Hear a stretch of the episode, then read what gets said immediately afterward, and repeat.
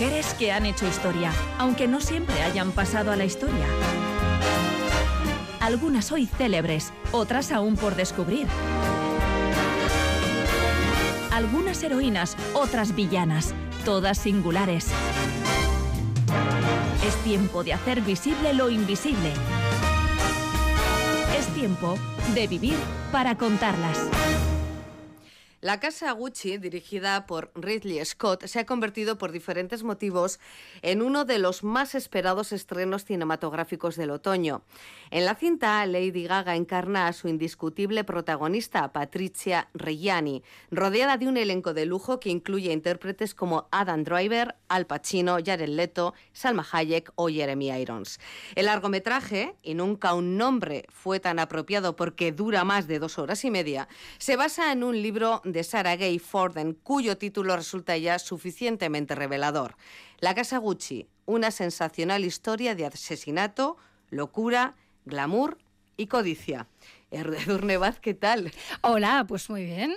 Bueno, esta esperada y controvertida película reconstruye un crimen que en su día estremeció a la sociedad italiana. Por supuesto, hoy tenemos entre manos un culebrón que ya quisieran los turcos. Una historia de celos, ambición, lujo y venganza. El resultado, como suele ocurrir en estos casos, no ha gustado nada a la familia Gucci, que ha amenazado con emprender las acciones legales que considere oportunas. Denuncian que la cinta de Scott describe a los miembros de la familia como matones, ignorantes e insensibles al mundo que los rodea y la un insulto al legado de la marca, además de añadir que encuentran al reparto elegido feo y gordo. Más allá de las iras de los Gucci, la película ha dividido al público y a la crítica, que es que no se ponen de acuerdo en si se trata de un notable divertimento o de un drama grotesco.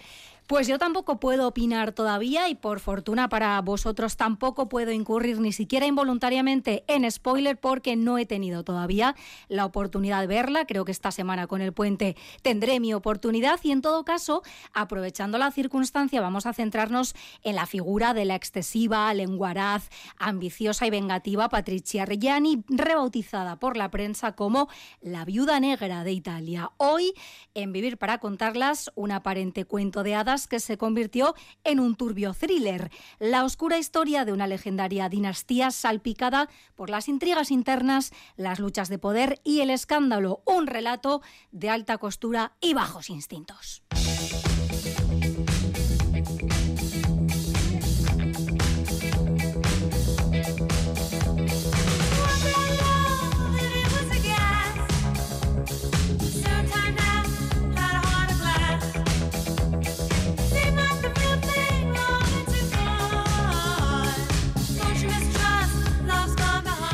Patricia Reggiani nació el 2 de diciembre de 1948 en Viñola, un municipio situado en la provincia de Módena, en la región de Emilia-Romagna, al norte de Italia. Fue el fruto de una relación esporádica entre una camarera y un transportista y nunca conoció a su padre biológico. Pero siendo ella adolescente, su madre se casó con Ferdinando Reggiani, un rico empresario que la adoptó y le dio su apellido. Patricia conoció entonces una nueva forma de vivir, rodeada de lujo y caprichos. Y no solo eso, también accedió a los restringidos círculos de la alta sociedad de Milán. Fue en una de aquellas elitistas fiestas, en 1970, donde conoció al tímido Mauricio Gucci, futuro heredero de la poderosa firma de moda que se sintió irremediablemente atraído por aquella carismática joven de ojos violáceos y un ajustado vestido rojo que tanto impactó al joven Mauricio que durante años se refirió a ella como mi duendecillo rojo. ¿Te han dicho alguna vez que te pareces mucho a Liz Taylor? le preguntó el arrobado joven. Te aseguro que soy mucho mejor, respondió con firmeza ella, a quien sí, se lo habían dicho muchas veces.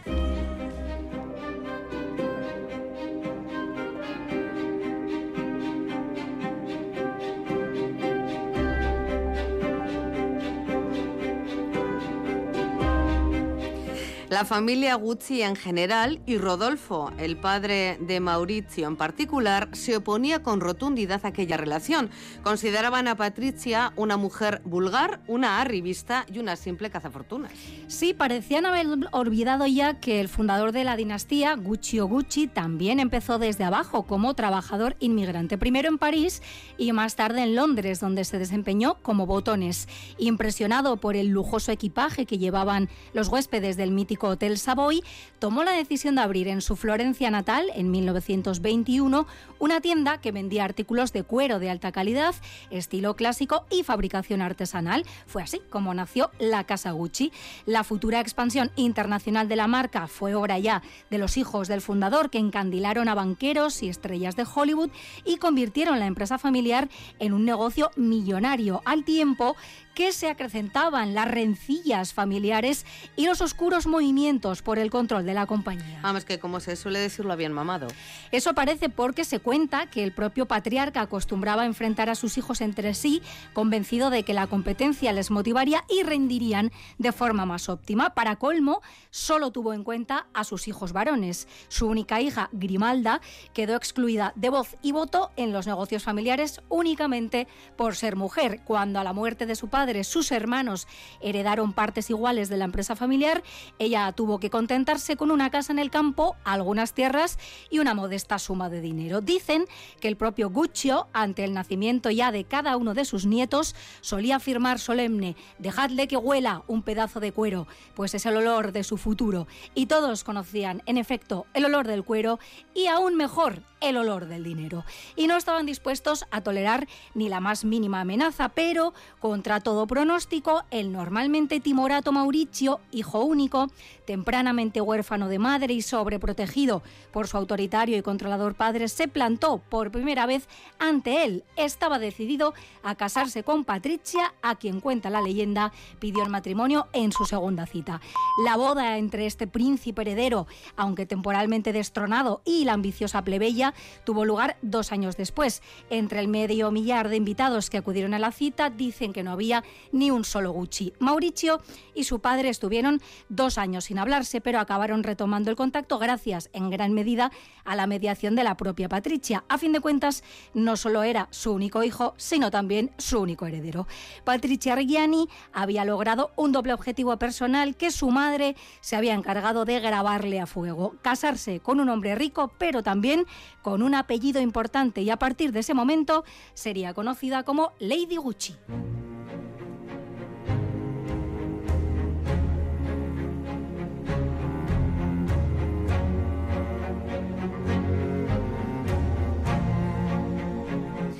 Mauricio y Patricia se instalaron en un ático de 150 metros cuadrados, ostentosamente decorado por ella misma y financiado por su suegro en la emblemática y lujosa Olympic Tower de Nueva York pero ella no tenía ninguna intención de convertirse en una mujer florero. De ninguna manera. Ella quería formar parte activa de la empresa y se convirtió en asesora y consejera de su inexperto y un poco pusilánime marido.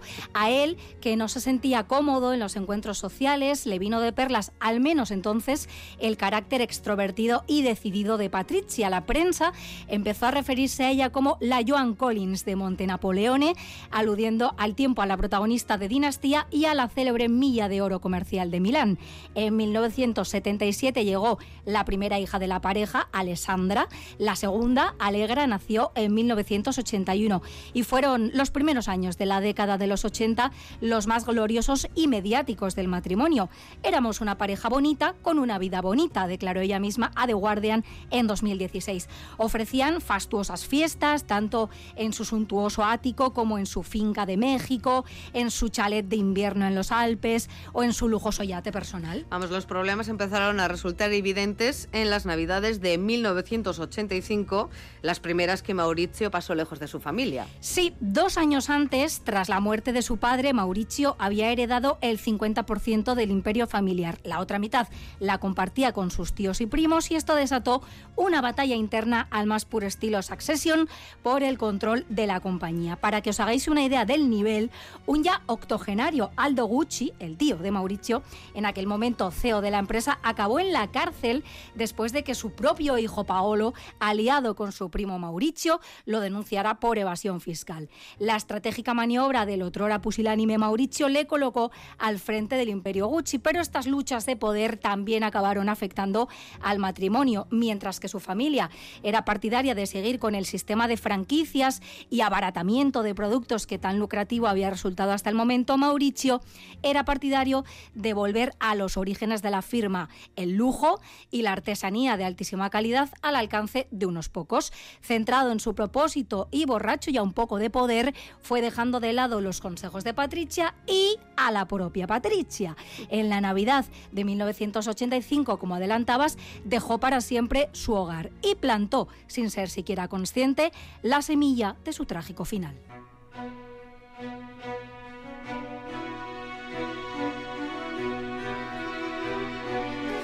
Patricia Gucci asistía con impotente indignación a la desastrosa gestión de su marido al frente de la empresa familiar.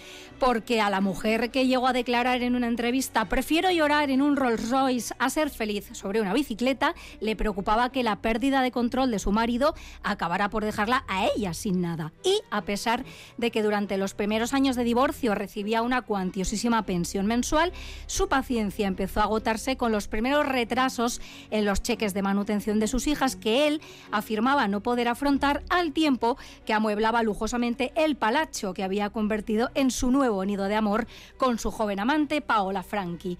La gota que colmó el vaso de la irada Patricia llegó en 1992 cuando fue intervenida para extirparle un tumor cerebral y cuando despertó y comprobó que su marido no se había dignado aparecer por el hospital y se había limitado a enviarle flores, sintió que había llegado al límite de su escasa paciencia. Al parecer, fueron los médicos quienes recomendaron a Mauricio que no la visitara para evitarle el estrés que podría haber supuesto su presencia, pero ella nunca lo supo o no le importó.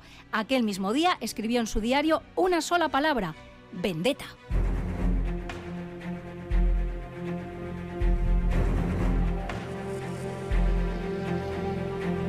A finales de 1994 se hizo efectivo el divorcio entre Maurizio y Patricia Gucci.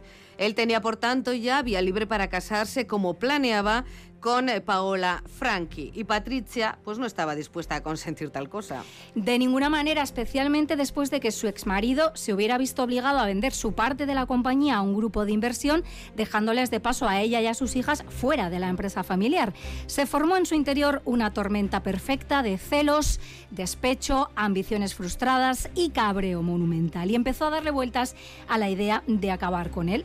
Si Mauricio no llegaba a casarse de nuevo ni tenía hijos con su nueva pareja, las herederas únicas serían sus hijas y por extensión ella misma. Por no decir que seguiría siendo la legítima señora Gucci, ella que, según declaró al diario La República, se siente la más Gucci de todos. No se puede decir que actuara de una forma particularmente discreta. Paola Franchi declaró a The Guardian que Patricia les acosaba, que tenía espías en los círculos de Mauricio y que conocía cada uno de sus planes, negocios y movimientos. Según Frankie, llamaba por teléfono con frecuencia para amenazar a su exmarido y si éste no le cogía el aparato, enviaba sus amenazas grabadas en cintas. Incluso habría escrito en su siempre desclarecedor diario la frase no hay crimen que el dinero no pueda comprar. Y todo esto salió a relucir posteriormente en el juicio. Su propio abogado testificó que en varias ocasiones Patricia le había preguntado en qué situación quedaría ella si su marido desapareciera. Ella misma, en una de las pocas entrevistas que concedió años después tras salir de la cárcel, reconoció. Iba por ahí preguntando, ¿hay alguien que tenga el valor de matar a mi marido? Y resulta que en esa macabra búsqueda le ayudó Pina Auriemna, su amiga, confidente y pitonisa personal.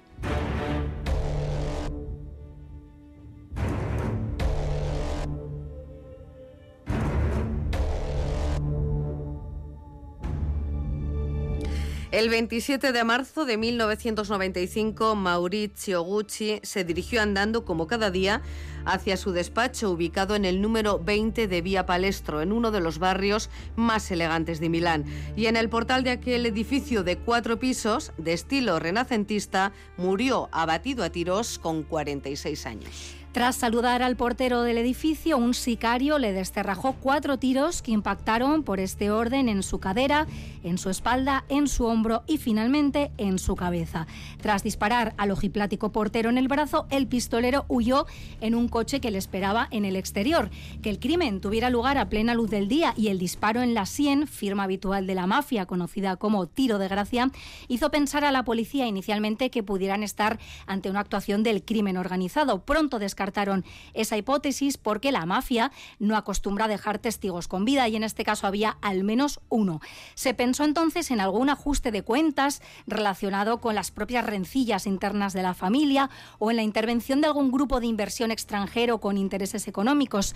Mientras la policía trabajaba en el caso, Patricia no perdió ni un minuto de su preciado tiempo. Solo un día después del funeral de Mauricio, procedió al desahucio de Paola Franchi y se instaló con sus hijas en el lujoso palacio que Mauricio había convertido en su nuevo nido de amor. Volvió a escribir una única palabra en su diario, paraíso. Pero dos años más tarde, la policía milanesa logró, a través de un confidente clave, reunir pruebas suficientes de que Patricia había orquestado el asesinato de su exmarido. Los pinchazos telefónicos revelaron que Pina Auriemna, rebautizada por la prensa italiana como la Bruja Negra, había pagado al portero de un hotel de mala muerte para que organizara el asesinato de Mauricio Gucci y este a su vez había contratado a dos sicarios para hacer el trabajo sucio. Sucio sí, pero muy lucrativo. Muchísimo, porque según ha trascendido Patricia pagó a los asesinos de su exmarido 290 mil dólares según unas versiones y 375 mil dólares según otras. En 1997 fue detenida en su palacete de Milán. Acudió a la comisaría con un vestido de noche color azul, un abrigo de bisón, brazaletes de diamantes, pendientes de oro y unas enormes gafas de sol Gucci, faltaría más. Durante el juicio, Pina, por consejo de su abogado, confesó y también lo hizo el conductor del coche en el que huyó el autor material del asesinato. Patricia, por su parte, acusó a Pina de ser la verdadera ideóloga del complot y afirmó que ella y su banda de maleantes la habían extorsionado amenazándole con hacer daño a sus hijas. Sus abogados jugaron también la carta del tumor cerebral para intentar demostrar que no era dueña de sus actos, pero en 1998, tras meses de testimonios, todos fueron declarados culpables. El autor material de los disparos fue condenado a cadena perpetua y el resto apenas de entre 25 y 29 años de cárcel. Patricia, en particular, fue condenada a una pena de 29 años en la cárcel San Vitore, aunque ella siempre se refirió a ese periodo como su estancia en la residencia Vitore. Otro detalle loquísimo de aquel momento fue que Tom Ford, director creativo de Gucci por aquel entonces y máximo responsable de su renacimiento, expuso en el escaparate de la tienda florentina unas esposas diseñadas por él, elaboradas en plata y con la inscripción Gucci Made in Italy. Por cierto, Tom Ford ha visto la película en la que él también sale retratado y tampoco le ha gustado nada. Si bien ha alabado la fotografía, el vestuario y la interpretación de Lady Gaga, ha sido duro en el resto de sus consideraciones. En el diario Airmail escribió: Me sentí como si hubiera vivido un huracán cuando salí del teatro. Fue una farsa o una apasionante historia de codicia. A menudo me reía carcajadas, pero se suponía que debía hacerlo. Bueno, él dice encontrarla alejada de la realidad y la compara con la serie Dinastía, pero con mayor presupuesto.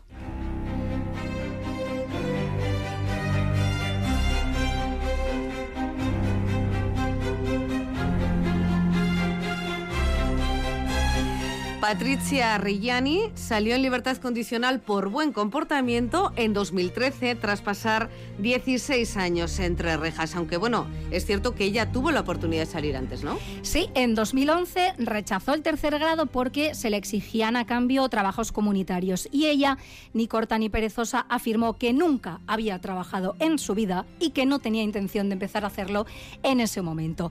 Cabe decir que ella tampoco ha confesado nunca su culpabilidad públicamente aunque hay una frase que le va a perseguir mientras viva. Poco después de salir de la cárcel, un periodista le preguntó a Bocajarro por la calle por qué había contratado a alguien para asesinar a su marido en lugar de hacerlo ella misma. Y su respuesta fue, no tengo buena vista, no quería fallar. Las batallas personales de la excéntrica Patricia no cesan. En 2017, sus hijas, que habían salido en su defensa durante el juicio, la denunciaron por diferencias con respecto a la herencia de su padre, pero la justicia En esta ocasión dio la razón a Patricia que por el acuerdo de divorcio que había firmado con su exmarido tenía derecho a una pensión vitalicia de un millón de euros al año, además de la satisfacción de los pagos que no se habían llevado a cabo durante su estancia en prisión. Este dinero tiene que salir, claro está, del patrimonio de sus hijas, que son quienes gestionan la herencia. Así que esta historia todavía puede dar más de sí y hay el Bill Metal siempre destrozando familias. Desde 2014, Patricia, que acaba de cumplir 73 años, vive en Milán, en una casa que perteneció a su madre. Dicen que ha sido vista paseando con su loro mascota sobre el hombro, que me parece ya como un detalle muy de villana clásica, ¿no? Y sigue, por supuesto, sin cortarse un pelo y ha confesado que está molesta porque Lady Gaga no la haya llamado antes de rodar la película para conocerla y preparar el personaje. Incluso ha llegado a decir que la cantante y actriz debería haberle pedido permiso para interpretarla. Sin conocer todavía el trabajo de Gaga, espero hacerlo esta semana, veo improbable que el personaje de ficción pueda superar al real. Y en lo que respecta al resto de los Gucci, ninguno tiene ya relación con la deseada firma que en la actualidad es propiedad del conglomerado del lujo francés Kering.